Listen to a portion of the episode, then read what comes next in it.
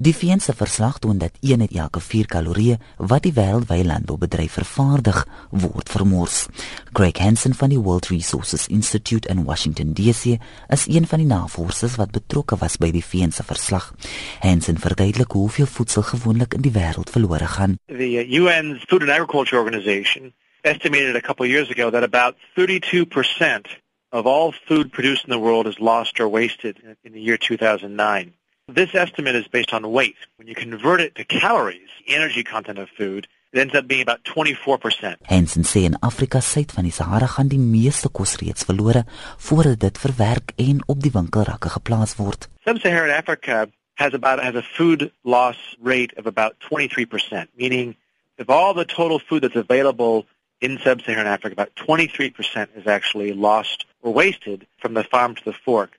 And interestingly, about three quarters of that occurs just after the harvest and through the storage phase.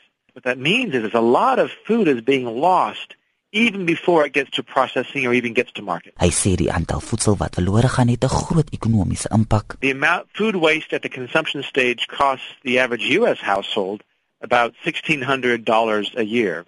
China throws out about 32 billion dollars worth of food a year. And in sub-Saharan Africa, a place where many farmers earn less than $2 a day, the post-harvest losses have a value of up to about 4 billion dollars per year. 'n Navorser by die Wetenskaplike en Nywerheidsnavorsingsraad, Dr. Susan Olofse, sê Suid-Afrika vermors tussen 8 en 9 miljoen ton kos elke jaar. Sy sê 'n enkele persoon vermors gewoonlik sowat 7 kg kos, veral groente, vrugte en vleis. Olofse sê daar is verskeie redes vir die probleem. 'n Groot gedeelte van die voedselafval wat gegenereer word, is tydens die produksieketting, wanneer die voedsel verpak en vervoer word en versprei word na die verskillende plekke toe waar dit gebruik word. En in daardie gedeelte is dit baie dikwels te wyte aan lang afstande waar die voedsel vervoer moet word.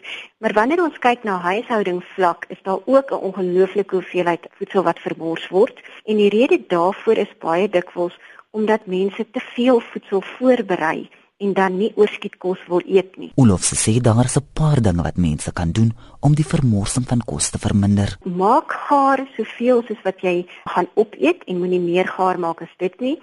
Ook voordat jy jou maaltye begin beplan, kyk eers wat se voedsel jy in die huis het, wat jy in die yskas het en gebruik dit om jou geregte mee te maak, eerder as om weer winkel toe te gaan en nog nuwe voedsel te gaan aankoop.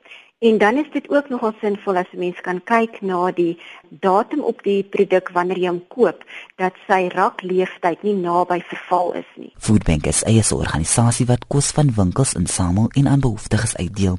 Die Voedselbank se bestuurshoof, Mohammed Kaji, sê hulle verskaf meer as 12 miljoen maaltye per jaar aan behoeftiges. We provide the platform to food companies and to food retailers who otherwise would be sending this food to dump or to landfill. We provide the platform for that food to come into our warehouses and to be then distributed to what we call agencies. Agencies are the organizations that we support countrywide. So they could be old age homes, they could be child-headed households. Volgens die VN moet regering spesifieke doelwitte begin stel om die vermorsing van kos te halveer met 50%.